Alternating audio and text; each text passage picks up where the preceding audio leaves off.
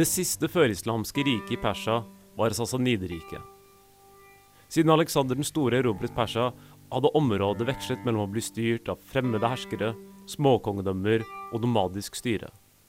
Men på 200-tallet etter Kristus fotfestet Sassanide-dynastiet makten, og grunnla et rike som på det meste strakte seg fra Libya til Pakistan. Mellom år 224 og 651 utviklet Sassanideriket et komplekst og effektivt byråkrati, grunnla kunnskapshus og etablerte et massivt handelsnettverk som ble bindeleddet mellom Europa og Asia. I denne sendingen av Fortiden demrer skal vi diskutere sassanidene. Hvem de var, storhetstiden deres, og hvordan man kan se spor av det siste førislamske riket i Persia i dagens Iran. Dere hører på Fortiden demrer her på Studentradioen i Bergen. Jeg heter Olav Hvitsvang, og med meg i studio har jeg Øyvind Skarseth. Johnny Beram. Dagens tema er Sassanidriket. Det som var det siste eller ikke-islamske riket i Persia. Og i dag tenkte vi å diskutere hvordan dette riket formet de kommende kalifatene i Midtøsten og senere persiske riker. Øyvind Skartveit, eh, hva var Sassanidriket? Nå har du jo på en måte nevnt at det var et ikke-islams, eh, det siste ikke-islamske riket av Persia. Men det som er enda viktigere, er at det var på mange måter en eh, fremstilt som en restaurering av det akamediske dynastiet som hadde styrt persis, det persiske riket før Alexander den store erobra det. Ja, altså dette her er en Hva skal jeg si det er litt Ringenes herre-aktig, dette her. fordi at det er, altså Persisk Ringenes herre, fordi at dette her var et rike som skulle make Persia great again. De skulle høye Persia opp til det nivået de var med Kyros den store og Darius, mest kjent for å være de som slåss mot Sparta og grekerne. Men det var en periode hvor hva skal jeg si, Persia hadde vært styrt av nomadefolk, og nå fikk man igjen på 200-tallet etter Kristus en sentralisert stat fullt rike hvor ting eh, var litt gjevt igjen. Men eh, ikke, altså det varte jo i 400 år, så det var jo et langvarig rike i forhold til uh, de fleste andre. Men det er jo da også det siste ikke-islamske riket som gjør det jo til uh, si, et litt interessant case study i persisk historie og Midtøstens historie. Det som er noe vi kommer til å snakke om i denne sendinga, er på en måte hvordan dette her riket blir et bindeledd mellom en tradisjon som går tilbake igjen, helt tilbake igjen til som, som jeg nevnte, det, medierne og det akademiske dynastiet, mens og reformer og det, og det, Vi skal snakke om de reformene og, som, mange, som, skjer i dette riket, som vil påvirke helt, helt fram til moderne tid i Iran. Sassanidriket kobler den hva skal jeg si, gamle verden med den veldig, veldig gamle verden. Altså Dette her er et genuint kulturelt skift da, som er fascinerende. Men likevel, eh, altså de som tok over etter sassanidene i Persia, det var mange av de samme byråkratene som fortsatte å være der. Så mye av kulturen ble jo endret av islam, men den forsvant jo ikke, på sett og vis. Og på sikt så kan vel òg si at mange av Altså den krigføringa som skjedde med Roma, ville òg påvirke Ville egentlig skape grobunn for eh, den senere islamske ekspansjonen. Ja, og det ser vi også hvordan f.eks. sunnimuslimene i vest og sjiamuslimene i øst kriger mot hverandre i flere århundrer, på samme måte som Sassaninerriket og romerne kriget mot hverandre i flere århundrer et, i førislamsk tid.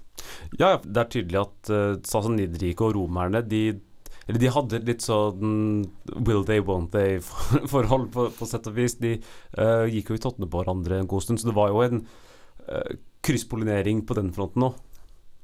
Det, det, var absolutt. Um, som man ser gjennom historien, så var det kontinuerlig krig mellom vest og øst. Først mellom uh, romerne og partierne, deretter etter romerne og sassanidene. Og deretter var det mellom sunnimuslimene og sjiamuslimene, f.eks. det osmanske riket og uh, um, Safidene, mm. f.eks. Og deretter ser vi også nå rivaliseringen mellom uh, Tyrkia og Iran, um, Syria og Iran, Saudi-Arabia og Iran. Så det er kontinuerlig um, en form for konflikt, rivalisering mellom vest og øst. Og det igjen må vi se gjennom historien. Ja, skal jo sies at det var eh, noen perioder hvor de tålte trynet på hverandre òg, Det var ikke nonstop. non stop, men det er, altså, vi, vi, kommer inn på det, men at den, den krigen som skal skjedde mellom øst og vest, mellom romerne og sassanidene, var jo, gjorde, var en del av det som gjorde det mulig for uh, araberne å uh, gjøre minst av disse folkene her. Men før vi går videre til dette, så må vi ta en liten titt på hvordan uh, Midtøsten så ut på 200-tallet etter Kristus, og hvordan Sassanideriket ble til.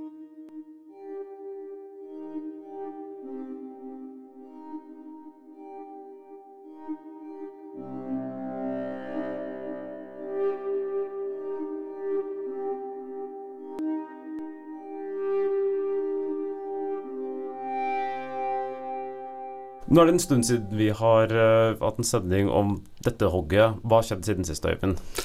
Uh, sist vi snakket om dette området, så vi, snakket vi om uh, helenismen. dette her var jo et område Som nevnt så ble det akamediske riket erobra av Aleksander den store, og etter hans død så var det generalen hans som delte riket. Og selevkidene var det dynastiet som tok over mesteparten av det området som vi snakker om i dag. de som jeg har nevnt i, den, i sendinga om allianistene, så ble de fordrevet over tid av et uh, nomadisk uh, indo-iransk folkeslag, uh, parterne, som kom fra Sentral-Asia. Og de, det er de som på en måte dominerer det som vi i dag kaller moderne Iran i denne perioden. Akamidene var et ganske sånn sentralisert styre med sånn små kvasiautonome republikker. Etter Aleksanders gutter tok over sjappa, så kollapset det, og det var egentlig litt ustabilt og litt utrivelig i eh, Persia og Midtøsten i en lang periode. Parterne hva skal jeg si, De var liksom ikke de store nation-builderne. Eh, de var liksom et, heste, et rytterfolk som likte veldig godt å krige, som hadde en litt desentralisert stat, eh, hvis jeg ikke har tatt helt feil? Ja, de var på mange altså det, de, de, utgjorde på mange måter en adel som styrte riket, Men de, de, var, de, hadde ikke noen fast hovedstad på samme måten som tidligere. De var mye mer enn eh, dro der, Hoffet forflytta seg rundt om i riket der, de, der, det var behov for dem. Og det var mye mer desentralisert. Altså Byene og regionene styrte seg sjøl. Til og med greske kolonier i dette området fortsetter. Noe som gjør at partiske konger blir jo kalt både ved det persiske Shah altså kongenes konge, men òg Phil Helen, altså elskere av det greske. Noe som er jo veldig morsomt med denne perioden. Eh, vi bør også nevne litt hvordan det står til med hva skal jeg si, med Romerriket på dette tidspunktet. Nå er vi liksom litt etter årtusenskiftet. Det er vel på to På hundretallet etter Kristus. Da er det litt røft i Romerriket, hvis jeg ikke husker helt feil? Absolutt. Det er jo krisa i det andre århundret. Parterne har, har, det litt røft også på det andre århundret. De har vel mye interne konflikter og Altså, de blir jo litt De sliter jo litt mot romerne òg. Ja, det er absolutt. Altså, romerne de er jo på grense til Partariket kontinuerlig. Problemet er at Partariket sliter med sin egen ustabilitet. De får ulike borgerkriger, og det gjør at sassanidene, sassanidynastiet, oppstår. Ja, for at man har disse borgerkrigene i Parteriket, og så kommer Ardashir, som, som jeg har forstått det, er egentlig faktisk er nærmeste man kommer uh, iransk, eller sånn per, persisk uh, Aragorn. Altså han er jo da av Darius den første sin ett, som er, altså Darius som er da egentlig virkelig store kongen av det gamle persiske riket. Eh, og hva skal jeg si Ardashir, som da holdt på på 200-tallet, eh, på 200-tallet, gjør oppgjør og eh, hva skal jeg si er den rettmessige persiske kongen, hvis jeg ikke har tatt helt feil? Ja, altså, Sassanidene er en presteklan fra det som er, er den såkalte persisregionen i i det moderne sørlige Iran. Og, et, og, det er jo de som på en måte leder denne her såkalte restaurasjonen på mange måter. Altså de, de, de veldig tydelig trekker en tråd til det akamediske, at de er de rettmessige arvingene her. Og det som òg man ser med sassanide-sjaene, eller keiserne, er at de er mye mer sentraliserte enn de desentraliserte og seminomadiske partiske adelen som hadde styrt tidligere. De får en ny hovedstad i Kestefon, i der som i, i Mesopotamia, i det moderne Irak. Uh, og uh, de innfører og eh, så, og sønnen til Ardashir, Shakpu, han innfører et nytt lovverk og mye store infrastrukturprogram. Mange, mange byer som blir nå altså innfører akvedukter, sisterner, demninger, nye skoler og universitet for byråkrater og dommere. Eh, men samtidig så får den gamle partiske eliten de får beholdt mange av sine privilegier. De får lov til å styre sånn som de vil i de områdene de styrer, eh, men de nye byene og de, inntektene derifra de kommer direkte under sjahen, og han eh, og det er under ha, guvernører direkte fra han som styrer disse byene. Og der kom du inn på Shapur, og Shapur forsøkte jo å krige mot romerne. Og det gjorde han bl.a. fordi um, sassanidene trodde at eh, romerne hadde okkupert områdene i Midtøsten, og de mente de hadde rett til å ta tilbake de områdene som romerne hadde okkupert i f.eks. Syria.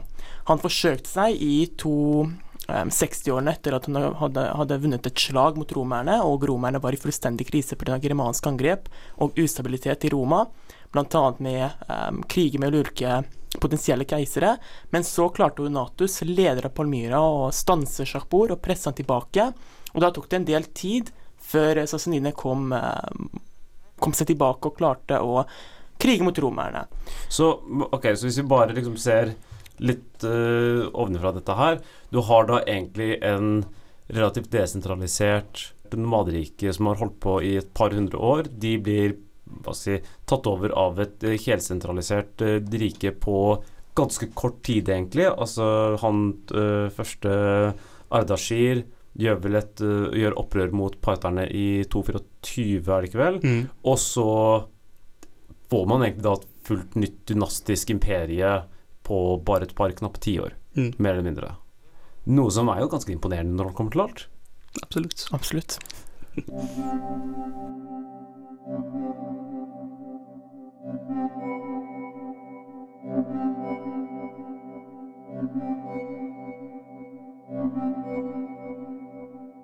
Sassanideriket befant seg uh, midt i det, for å si det mildt. Eh, De hadde Romerike i vest og da Kina i øst. Det var også klart et lite stykke mellom, men de hadde jo et eh, kontroll over et område som var midt i en ganske sentral handelsrute. Det gjør jo at man får mye gunstig, men det gjør jo også at man må jo krige litt for å holde på den posisjonen. Uh, Jani, det er uh, ingen tvil om at uh, Sassanideriket blir ofte omtalt som erkefiendene til det som etter hvert vil bli østromerne. Uh, hvordan så den konflikten ut? Det er absolutt. altså Sassanidene og romerne kriget jo flere århundrer. Um, og romerne så jo på seg selv som etterfølgerne av Aleksander den store. Derfor er det så utrolig viktig for dem å ta over um, helt frem til India, uh, flere områder. Men som jeg allerede fortalte, så eh, mente jo sassanidene at uh, romerne ikke hadde rett på de områdene i Midtøsten fordi Parterriket f.eks. hadde dem tidligere før romerne. Um, så dermed så fikk han kontinuerlig krig mellom de to partene. Um, Om, om, og området vi snakker om nå, er egentlig Altså området som går egentlig fra eh, Altså nesten fra sørlig Israel opp til Kaukasus. Altså det er Irak, om, Irak Syria, Libanon-området. Altså der hvor den arabiske halvøyen starter, og så opp til Kaukasus og litt i um, dagens Tyrkia. Altså det er det området der, og så, ned til fra, til hvor det iranske høylandet starter. Altså det er det området Altså midten av Midtøsten, da, er det området det er snakk om her. Ikke sant? Og det er Syria som er i midten av Midtøsten, og der sto de største slagene. Og årsaken til det er fordi Syria er så viktig både for romerne og eh, sassanidene.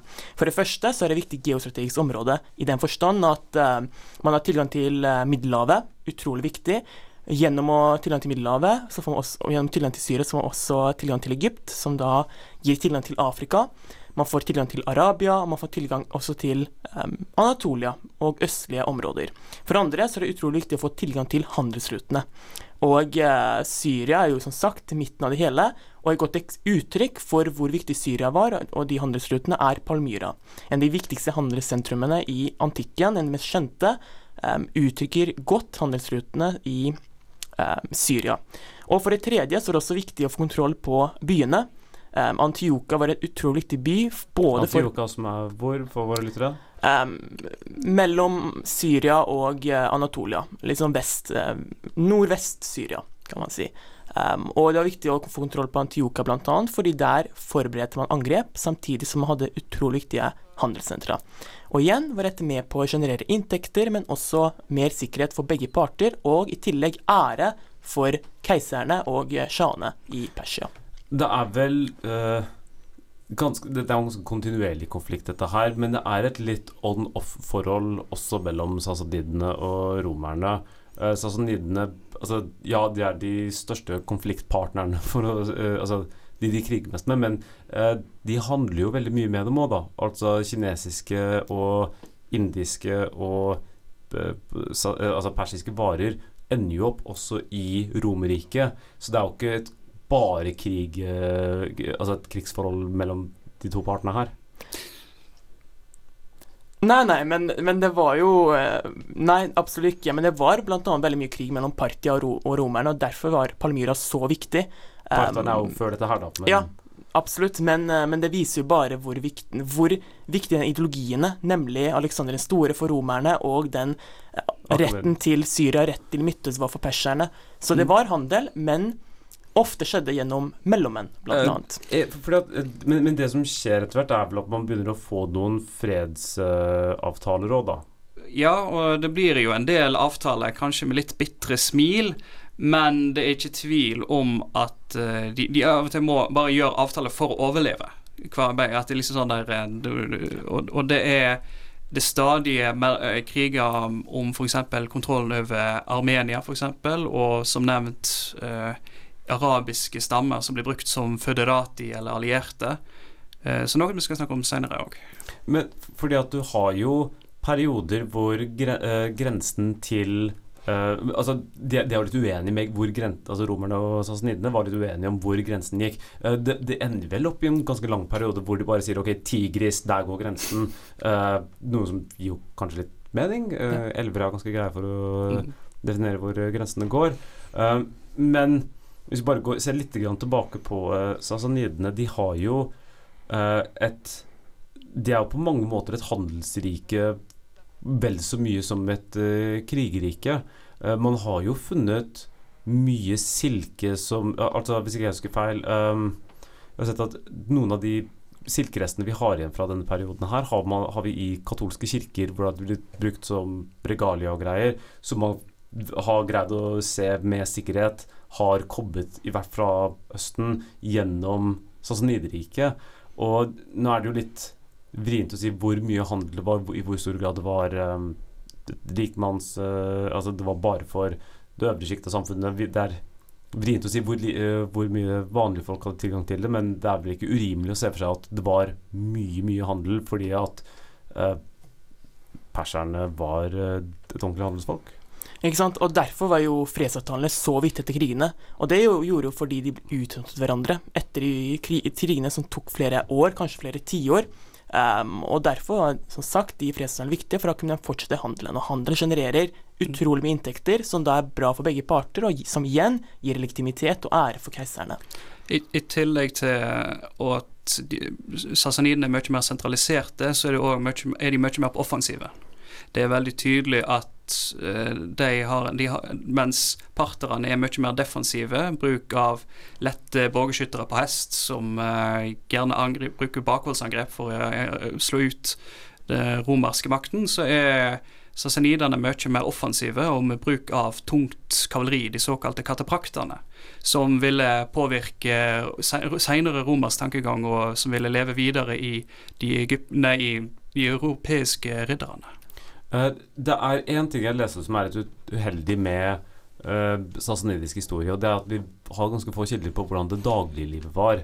Uh, men vi vet jo ganske mye om um, kongehoffet, i det minste. da, og, og, og, En av grunnene til det er at man hadde romerske skribenter som dro dit for å beskrive det, og dro tilbake, så vi har latinske og greske kilder på dette her. Så jeg, jeg, vet ikke om vi har en god analogi til noen andre riker, men det, altså, det har vært å ha i bakhodet. Sassanideriket holder jo på i 400 år. Så det er jo en lang periode. Altså, det er liksom som å si forholdet mellom Frankrike og Tyskland i 400 år. Det er jo liksom Det, går litt frem og tilbake. At noen ganger er de venner, noen ganger er de ikke. Ikke sant? Og det handler jo også om at når man ikke har så mye litterære kilder, så må man gå i arkeologien. Eh, man har funnet veldig mye om sassanidene, men problemet er jo stadig krigføring, bl.a. mellom grensa mellom Syria og Irak og Iran, som sassanidene var en del av. Eh, eller kontrollerte de områdene, samtidig som det handler om penger. Sant? Ikke alle har råd til å drive med arkeologi.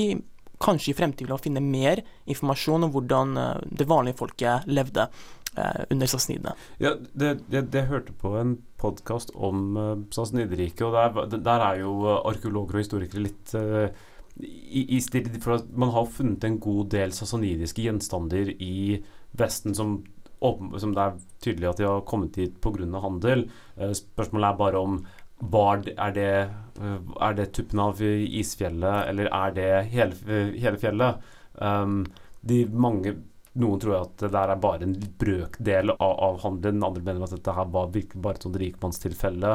Uh, umulig å si, men ja, Johnny? Ikke minst må man snakke om de kontinuerlige ikke-demokratiske regimene som da styrer hvordan historien skal tolkes. Sånn som Iran, som i Syria, ja, Irak. Ja, ja, ja. Men, um, men, men, hvis vi bare ser på det rent historiske arkeologiske materialet, at uh, det, det, det, blir litt feil å anse forholdet mellom eh, at se på det rik som et sånt uh, rike som bare kaster uh, soldater inn i Midtøsten-området for å prøve å ta tilbake gamle akomediske territorier i Levanten. Da. Og et litt uheldig fenomen. altså Det er mye som skjer i den vestlige delen, og så er det mye som skjer i den østlige delen, hvor vi har færre kilder og, hvis jeg ikke husker helt feil. Ja, absolutt. Så det er jo en øh, og, og, akkurat den, og det er veldig interessant, fordi at spesielt de her østlige delene vil jo påvirke dynastiet i lang tid fremover.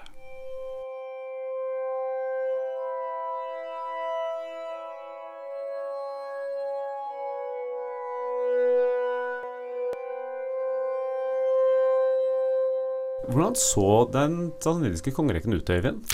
Oh, godt spørsmål. Fordi at eh, selv om sassanidene var så klart mye mer sentraliserte enn det partiske, så er det likevel Si, Altså, man, man, bruker jo ordet bysantinske intriger om, eh, litt, sånn, om eh, hoffintriger som er voldsomme, og de var ikke noe mindre i det sassanidiske. Eh, man har jo En av de tingene som man Som er nevnt, så blir det jo en ekspansjon østover. Uh, man tar over det som hadde vært det kusjanske riket, som jeg har nevnt i tidligere sendinger om uh, Silkevegen.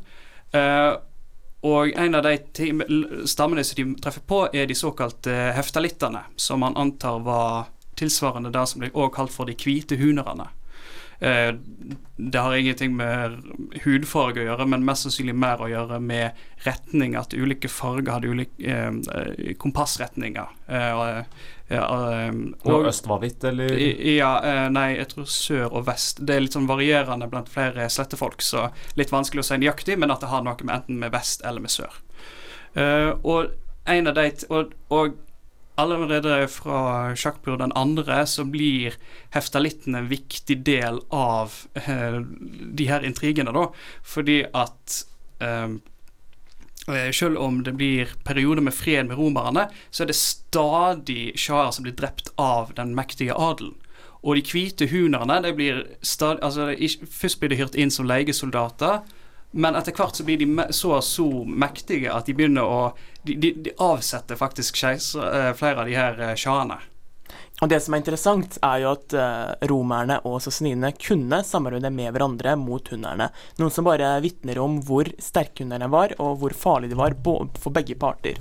Men hvis vi bare ser litt mer på den derre uh, kongerekken her? For det er jo noen av disse kongene som står ut som mer interessante enn andre. Ja. Uh, Sjakpur den andre han, blir jo kron, han skal jo visst ha blitt krona mens mora var gravid med han, faktisk. Såpass. Uh, og er jo uh, og, det er, og det er han som begynner å hyre inn de her heftalittene.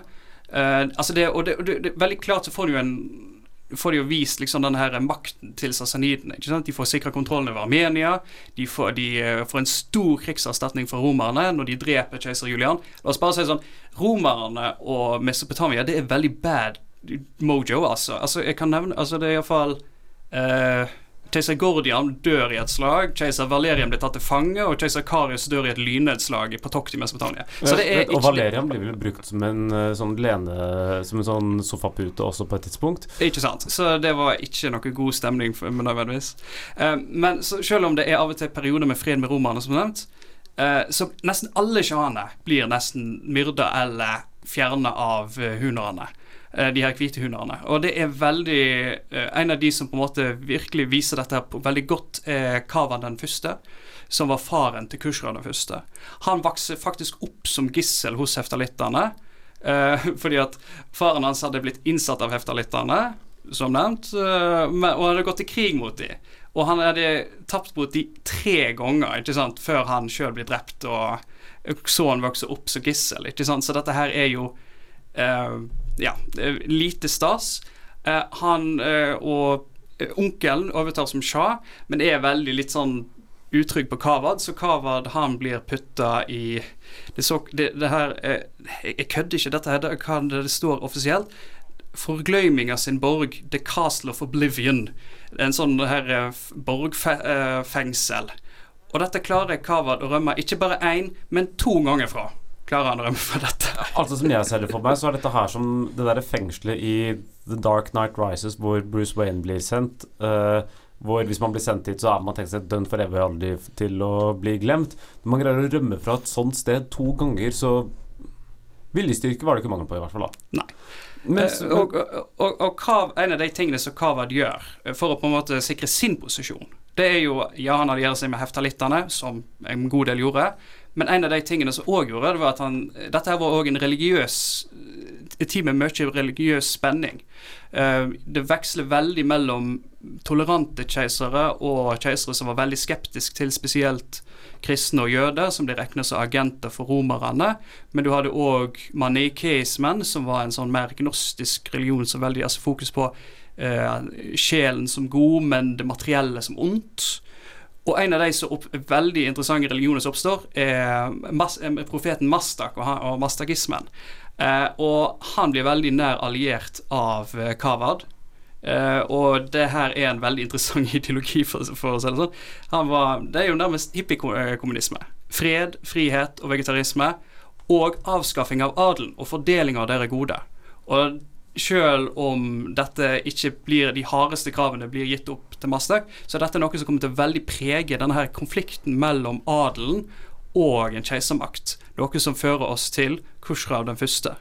Kushrav den første var en yngre sønn av Kavad, mens han eldstebror eh, Kavus var en tilhenger av Mastak. Uh, og, og, en annen, uh, og, en annen, bror hadde òg mistet øyet. øye. Dette var ting som på mange måter diskvalifiserte de fra tronen.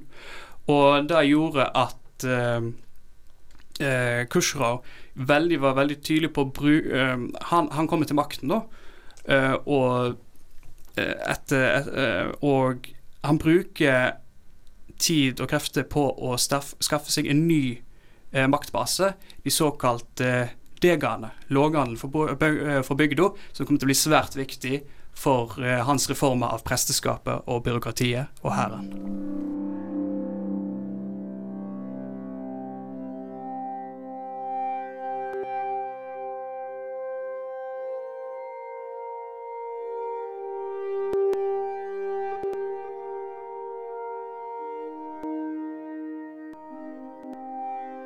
Koseråd den første uh, får inn som sagt en god del reformer. Vi skal, skal ikke gå altfor dypt uh, inn i dem, eller hva syns du? Vi kan prøve å gjøre forsøk, i alle fall. En av de tingene han gjør, det er at han innfører en skattereform som gjør at adelen mister retten til å, inn, uh, til å kreve inn skatt.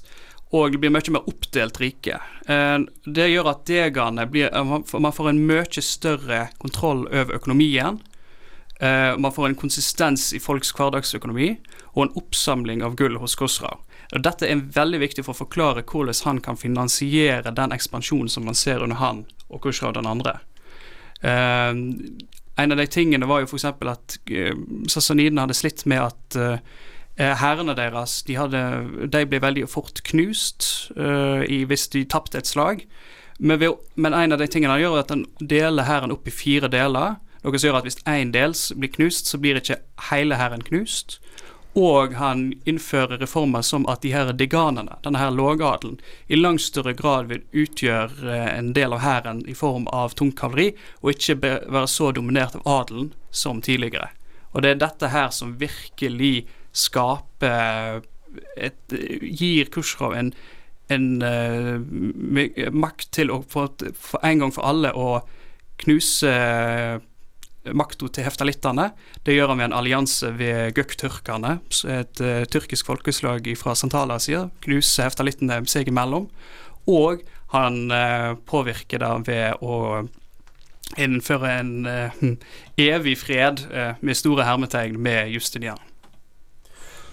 Men han har jo da Khosrau 1 har en god del andre reformer som også er akademiske.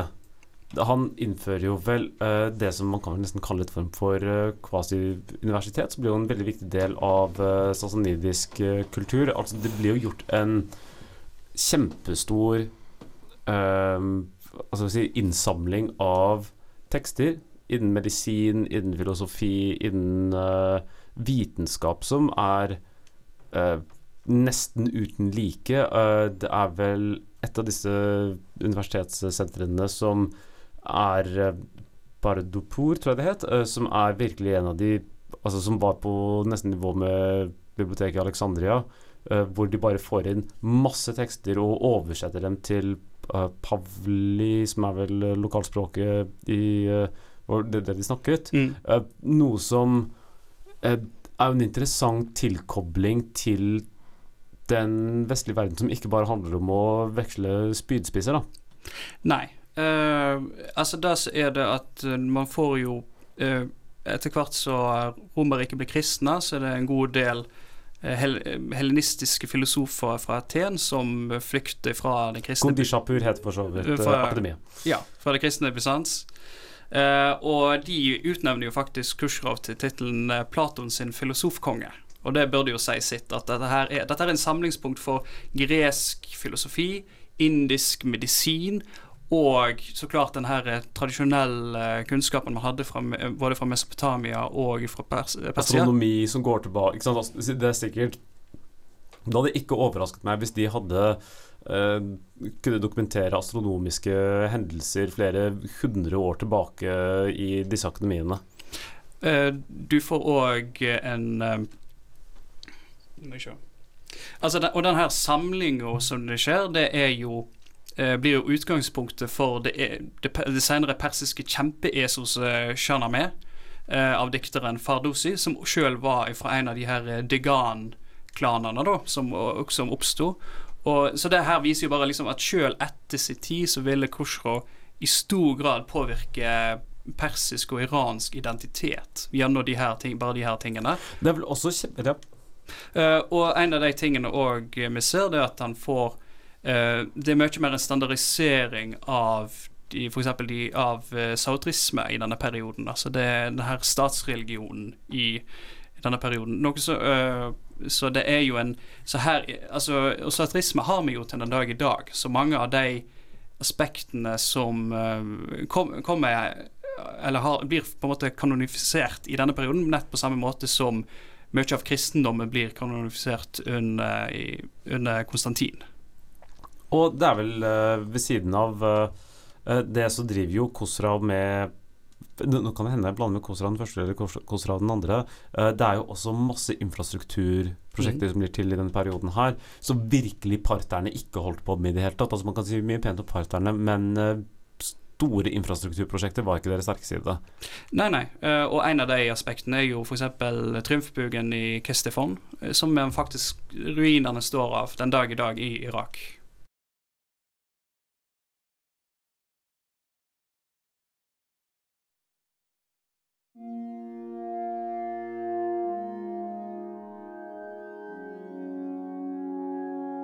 Vi kommer oss ikke unna en sending om sassanidene uten å nevne Khosrau den andre, og han levde vel hakket senere enn nummer én. Ja, det var barnebarnet til Khushra den første. eh, og han holder jo fram denne krigen med Bysants. Når er det egentlig går over fra å være Øst-Romerriket til Bysant? Altså, der strider vel de lærde litt, grann, men de eh, lærde strides veldig mye med det, Eh, så det skal vi være litt forsiktige med. Men okay. det er jo litt i denne her perioden, altså i alle fall med kollapsen av eh, av det vestromerske riket på 400-tallet. Eh, men vi må nevne en liten ting jeg vil nevne, det er jo dette her rivaliseringa mellom Kushra den første og Justinian.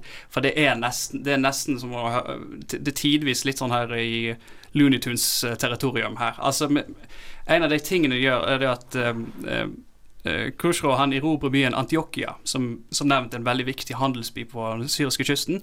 Og han får tatt krigsfanger derifra. Og så tar han dem, og så får han dem til å bygge en prikk lik by i Persia.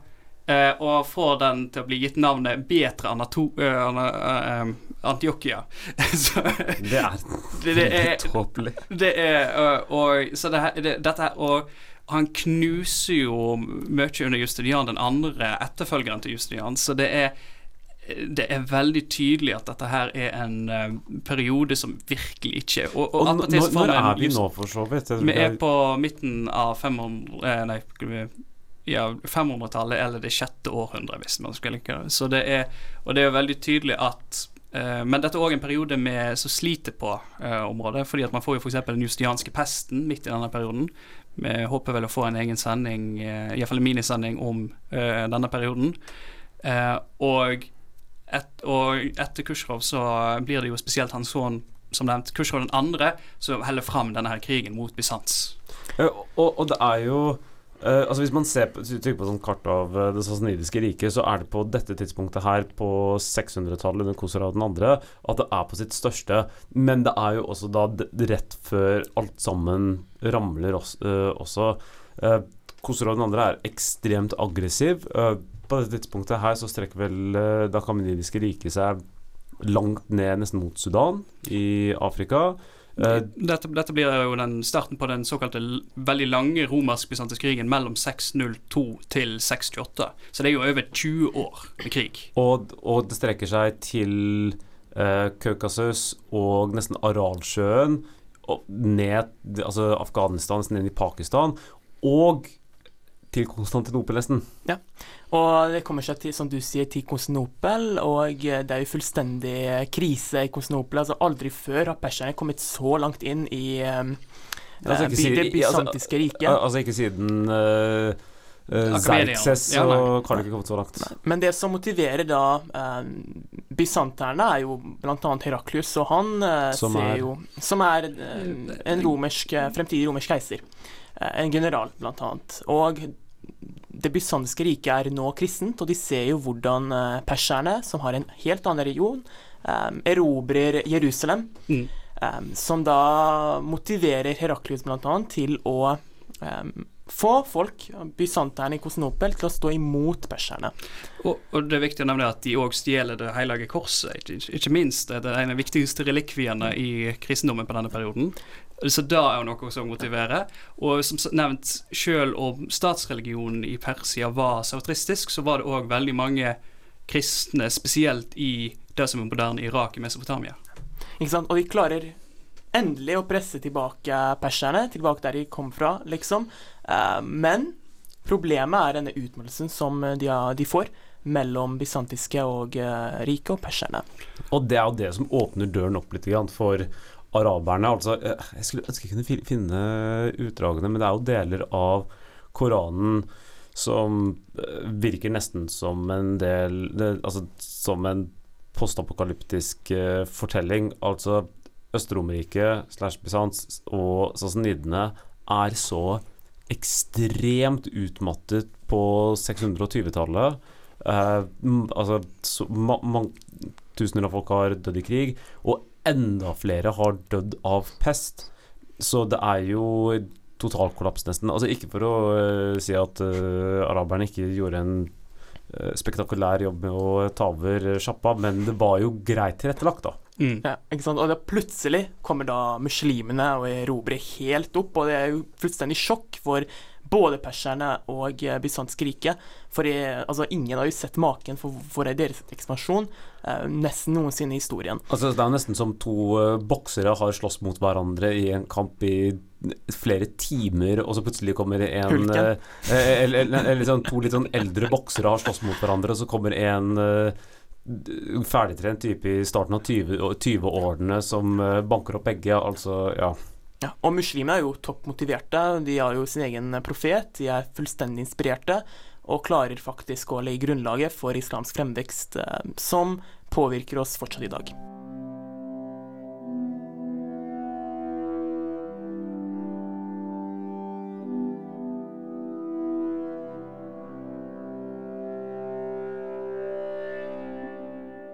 Sassanidrikets fall markerer slutten på det førislamske i Persia. Men det har jo, for å si det mildt, påvirket Iran og islam eh, til den dag i dag.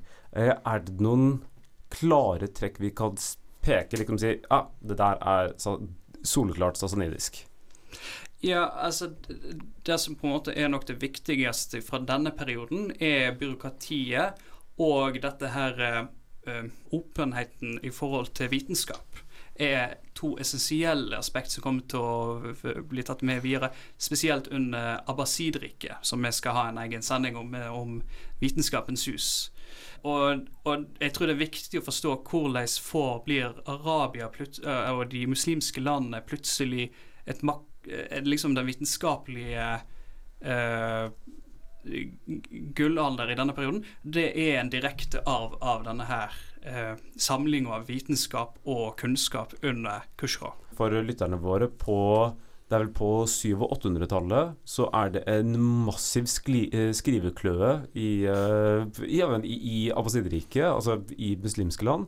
Eh, det blir gjort masse innenfor matematikk og astronomi.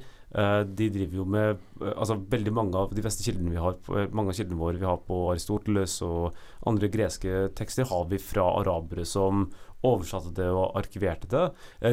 Litt fordi at også de hadde masse papir fra Kina, som var en fortsettelse av handelsrutene fra sassanidene. Men det er jo interessant å se at liksom noe av de storhetstidene fra eh, Noe av det, virkelig- storslåtte fra tidlig islamsk historie er jo da en på mange måter en forlengelse av den, de reformene vi, til Kosrov som vi snakket om tidligere, med fokus på akademia.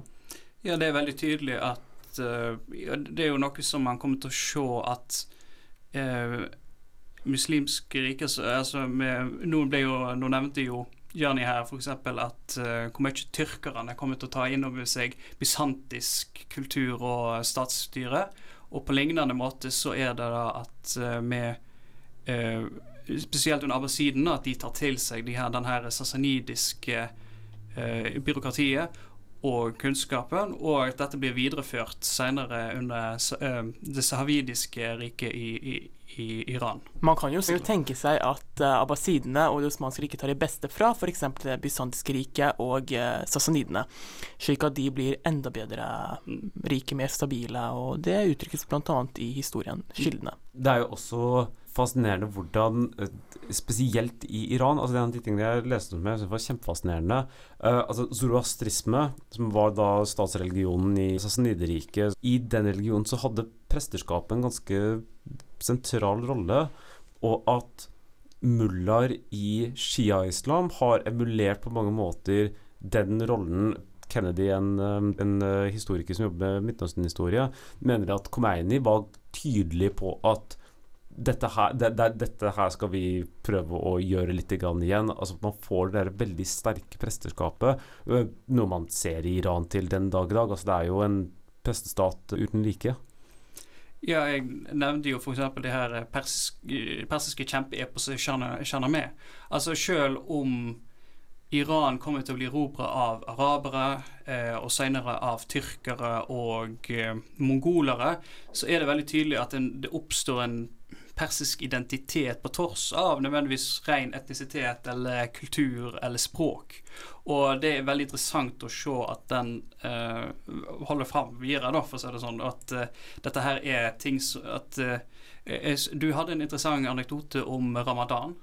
Ja, tydeligvis så er det en sassanidisk eh, høytid hvor alle går, man i Iran går ut og har piknik. Det har vært ganske mye frem og tilbake der mellom eh, når ramadan lander på den piknikdagen. For at altså det blir en veldig sen piknik eh, i så fall hvis man skal eh, gjøre det under ramadan, det er vel kanskje pikniker på det iranske høylandet så greie. Um, så det de uh, Det har vært tilfeller hvor det islamske presterskapet har prøvd å slå hardt ned på denne piknik, pikniken, eller folkepikniken, men hvor de har, folk har sagt at nei, dette her skal vi gjøre, dette er en del av kulturen vår. Er, denne dagen her skal vi få lov til å spise mens det er sol. Og ramadan blir jo tatt temmelig seriøst i islam. Mm. Det er vel, uh, Hvis det er noe som helst man kan ta seriøst er, av høytider, så er vel det på toppen. Mm. Jeg kan også nevne en sånn liten, sånn, liten fun fact. Så tydeligvis er det under Kushra og den første at sjakk og backgammon blir importert til til Midtøsten og senere til Europa fra India. Ja, sjakk og shah vel, kom, har vel den samme Eller Sjakk sin etymologiske rot er vel Sjah altså, som var tittelen på uh, kongene her. Sjakk-matt er vel Matt betyr vel beseiret, mm. hvis ikke jeg tar helt feil. Uh, det er jo også, uh, som jeg har forstått det, uh, i Iran så er vel også moskeene bygd etter zoroaster, litt sånn zoroastrisk vis. Altså det er en sånn firekammer greie. Jeg kan ikke noe om arkitektur til å uttale meg noe spesielt om dette her, men den tempel Altså litt grann sånn som hvordan uh, moskeer har tatt over litt grann fra uh, gudshus i Midtøsten, og moskeer i Spania har blitt gjort om til um, uh, kirker. At det samme var det med de zoroastriske templene. Det, og den arkitekturen fortsetter de med til den dag i dag. Mm. Noe som er jo Altså Litt sånn som med Haga Sofia, at liksom ting går fra å være kirke til moské, eller moské til kirke, er så sin sak, men at man fortsetter å tenke, bruke de, det samme arkitektoniske planen, eller planen, da, det er jo ganske spennende, spør du meg, egentlig. Og det viser jo bare at det hovedsakelig handler om kontinuitet i historien fremfor uh, brudd. Mm. Ja, det er jo uh, det, men, det kan se, men likevel, det der religiøse bruddet er jo også temmelig Hva skal jeg si uh, sterkt, da. Altså, det er, man kan jo si at her er det et ganske klart skille, på samme måte som i Europa. Altså man førkristen tid er en ganske viktig uh, markering i forskjellige europeiske land, så man skal ikke late som at det ikke er et ganske stort skifte her. Altså, det er jo interessant å se hvordan man får ganske raskt det der religiøse skillet fra Persia, da, og altså med da sunni-shia-splitten, at det er altså Hva er det, 98% av alle shia-muslimer bor i Iran? Er det ikke mm. omtrent? Så det, igjen, og det her er jo igjen en av de tingene for hvordan Iran skiller seg ut ifra mesteparten av den muslimske verden i denne Ja. ja. Og, og den er jo altså, veldig tydelig til den dag i dag. Altså, hvis man, som du nevnte med pågående konflikter. altså Perserne har også, jobber jo med saken, for å si det mildt, i Midtøsten nå. Det som er litt trist måte å si det på. Ja. Altså, de har ikke mange venner i Midtøsten. Altså, de fleste er jo sunnimuslimske. Uh, mens de er jo sjiamuslimer. Men igjen, det viser jo um, hvordan, um, his, hvordan, hvordan, historien viser den kontinuiteten. I den forstand at her har vi perserne, altså iranerne, som rivaliserer med andre i vest, bl.a. Så da kan vi argumentere for at det er et uttrykk for den kontinuiteten vi ser mellom, i krigene mellom vest, f.eks. Tyrkia, Saudi-Arabia eh, og eh, Iran. Det bør sies at de også har hatt litt kriger i nord og øst òg, men de har vel dabbet litt av i løpet av de siste 800 årene? Ja, er, men, men, likevel så er det jo interessant å se den her altså, men Du nevnte jo så vidt dette her altså, vi, skal jo ha en sending om Anlushan. Og en av de tingenes aspektene der er jo interessant hvordan eh, iranske folk som var et bindeledd eh, på sletten, var et bindeledd mellom sassanidene og Tang-dynastiet. Og et, en, av, en, interessant faktum er at liksom den siste arvingen til Sassanidriket flykta jo fra, eh, eh, fra arab, araberne og muslimene, og, bus, og, døde og ble faktisk gravlagt i Tang, Kina.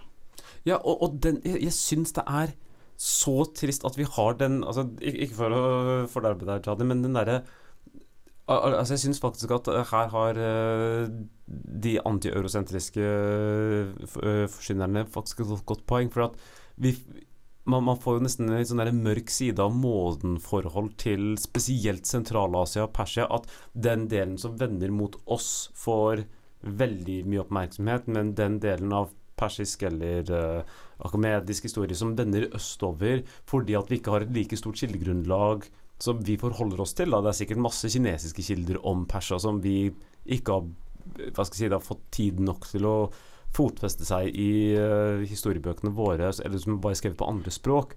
Uh, som er vel så interessante som de kontinuerlige krigene i uh, Langsøfrat og Tigris. Og det kan jo tenkes fordi pga. Romerriket. sant? Vi har mest kunnskap om Romerriket, og da glemmer vi litt uh, perserne, blant annet. Og det viser igjen den kontinuiteten i historiografien i historien, at vi fokuserer mest på Romerriket og glemmer mye av det perserne. Men poenget er at vi må fokusere mer på persisk historie, for da får vi større forståelse for Midtøsten og um, hele verden. Mm. Og det er jo sabla interessant òg. Altså de, problem, sånn, de, problem, de, de institus, uh, institusjonsproblemstillingene som uh, man ser i Persia, på mange måter er det veldig like de man finner i Europa, men har en litt annen flavor. Uh, det er jo også påfallende hvor Altså, altså Persia har jo nesten en litt, er jo nesten litt som Kina. At det vokser, og så krymper det, og så vokser det og krymper det, og så vokser det og krymper det. Noe som er en veldig annen, litt annen dynamikk enn det det har vært i Europa. Um, og det er vel verdt å se på veldig annerledes case studies, uh, historiske case studies da, for å se hvordan forskjellige utfordringer blir uh, møtt. Mm. Og, og, så er det jo ikke minst altså bare på som sagt på det religiøse aspektet. ikke sant? Noe Sautrisme finner vi omtrent i dag nesten bare i Eller hovedsakelig er det vel India, f.eks. Altså folk som ble fordrevet der, eller flytta derifra, i alle fall, fra Persia. Uh, og man har jo um, både manikisme og kristendom som bli, fra dette området som vil bli spredt østover, akkurat sånn med handelen. Uh, noe som gjør at vi, vi har jo nevnt i, med, med Silkeruten, med Silkevegen, ikke sant? dette her aspektet av hvordan dette var en så viktig del av dette handelsverket, nettverket mellom Europa og Øst-Asia. Men samtidig, når man ser på sånn, sånn splittperioder i iransk historie, så er det jo også påfallende at vi har jo på mange måter sett en Altså litt før vår levetid, hvor annerledes Eh, eh, med Shah-regimet i Iran fram til 1979, eh, at da brukte jo de mye av ikonografien og titlene som også var brukt i denne perioden her, men nå ikke er så det er et veldig annet forhold til det. Mm. altså var det de hadde vel også i Sassanidriket den derre påfugltronen? Absolutt. Og det var jo en del av um, Imaget til uh, Shahen? Ja. Jeg vil anbefale alle dokumentaren om uh, den største festen i århundret, er det vel, ikke sant, som, der man feirer 2500-årsjubileet til det persiske riket. Det er den største konsentrasjonen av politikere, konger og lignende som no, kanskje noen gang har vært i verdenshistorien. Og det viser jo bare hvor stolte perserne er av sin historie, sahavidene bl.a., i at de bruker det som propaganda um, for å f.eks. styrke Shahen frem til 1909. Mm. Ja. Så, så, at uh, i Iran at det kan være Eller altså, det hadde kommet Shah-regimet begynner å bli en god stund tilbake. Uh, begynner å bli en stund siden. Det er jo nå uh, Det var 40 år siden revolusjonen i fjor, så det er jo en hel generasjon persere som har et litt annet forhold til det enn de som var med i revolusjonen 40 eh, år siden. Men at man ser f.eks. at det, det, er i hvert fall den, den kulturelle Til tross for alt det religiøse og det politiske, så er den så er det, en, jeg, det, er en tradisjon i Iran for å videreføre kulturen som det er god grunn til å forstå. Men det kan også tenkes at Shahen var jo ikke så populær um, i Iran. Altså, han hadde veldig mange opprør mot mange motstandere, og derfor var det så viktig for han å igjen fremheve den uh, persiske historien uh, for sin propaganda. Hjalp ikke til slutt, da? Nei, Nei men, uh, men man, man, kan bare dytte, dytte det i strupene på folk til en viss grad. Ja, Hemmelig politi hjelper ikke så mye heller. Nei. Men uh, som sagt, uh, dette her jeg, jeg, tror vi, Hvis vi skal oppsummere, så er er denne perioden eh, Det er Perserriket på, kanskje på sitt mektigste. Det er, en, det, det er, Vi får et byråkrati og en vitenskap som vil bli tatt videre via det abbasidiske, og som til stor inspirasjon for renessanse-Europa. Vi har òg vi har en eh, hva skal vi si, en, både en religiøs arv som le faktisk lever helt til den dag i dag, og en kulturell arv som påvirker tross eh, historiens gang. Det var alt vi eh, hadde for i dag. Eh, takk Øyvind Skartveit og Janin Beram for å ha vært med i studio. Eh, så klart takk også til vår produsent Magnus Nordahl Røtnes. Jeg heter Olav Widsvang. Dere har hørt på Fortiden nemlig her på Studentradioen i Bergen. Håper dere blir med oss neste uke også. Takk for oss.